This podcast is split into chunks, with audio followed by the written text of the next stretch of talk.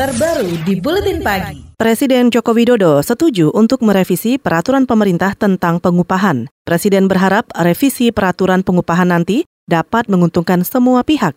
Ini disampaikan Jokowi usai bertemu dengan sejumlah pimpinan organisasi buruh belum lama ini. Antara lain Presiden Konfederasi Serikat Pekerja Seluruh Indonesia atau KSPI Said Iqbal.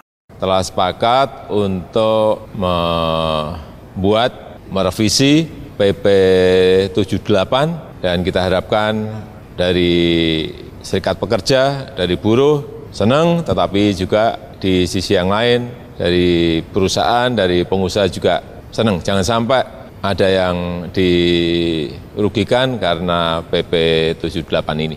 Presiden Joko Widodo juga meminta semua buruh di Indonesia bisa merayakan Hari Buruh atau May Day hari ini dengan gembira.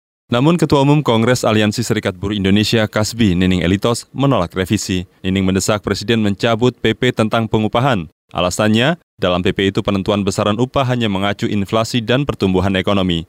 Padahal menurutnya, penentuan besaran upah menggunakan kebutuhan hidup layak atau KHL penting untuk memperbaiki nasib buruh semakin buruk pertumbuhan ekonomi, semakin buruk inflasi kita, maka semakin rendah upah. Padahal kan di sisi lain negara negara melalui rezim mengeluarkan kebijakan tentang persoalan pencabutan subsidi, uh, subsidi listrik, uh, eh, BBM, terus kemudian harga-harga tidak terkendali karena diserahkan kepada mekanisme pasar sehingga yang menentukan itu adalah kaum modal.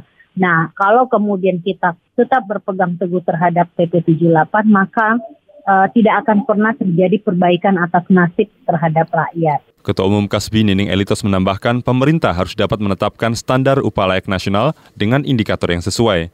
Proses itu kata dia harus melibatkan buruh dan tanpa diskriminasi.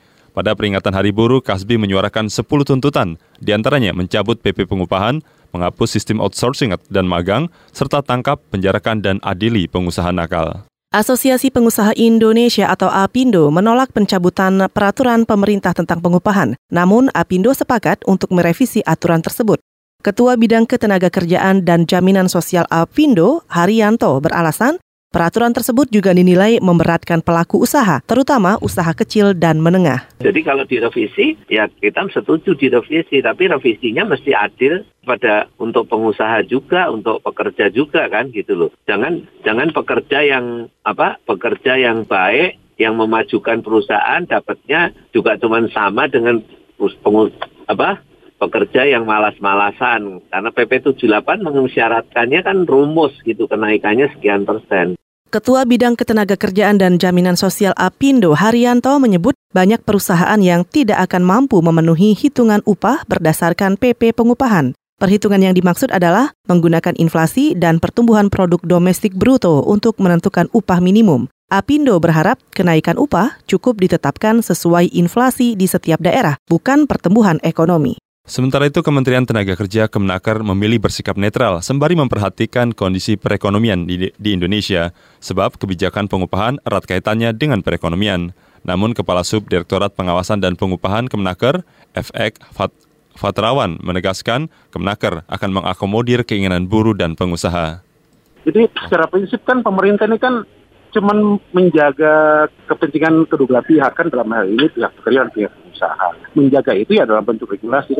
Sepanjang itu kepentingan kedua belah pihak sepakat untuk apa nih merevisi aturan yang mungkin lebih baik sesuai kepentingan kedua belah pihak mau nggak sih kalau dari pemerintah kan tinggal mengatur aja yang baik bagi kedua belah pihak kan pemerintah hanya menjaga keseimbangan antara pihak pekerja dan pihak usaha kan nah, supaya regulasi itu ya memenuhi kepentingan semua pihak kan itu loh Kasubdit Pengupahan Kementerian Tenaga Kerja Watratan menilai peraturan Menaker terkait penyusunan skala upah terus diperbaiki berulang kali. Ini dilakukan guna meminimalisir konflik soal kenaikan upah. Kemenaker kata dia mendukung revisi PP pengupahan selama perubahan itu membuat kehidupan buruh dan pengusaha lebih baik.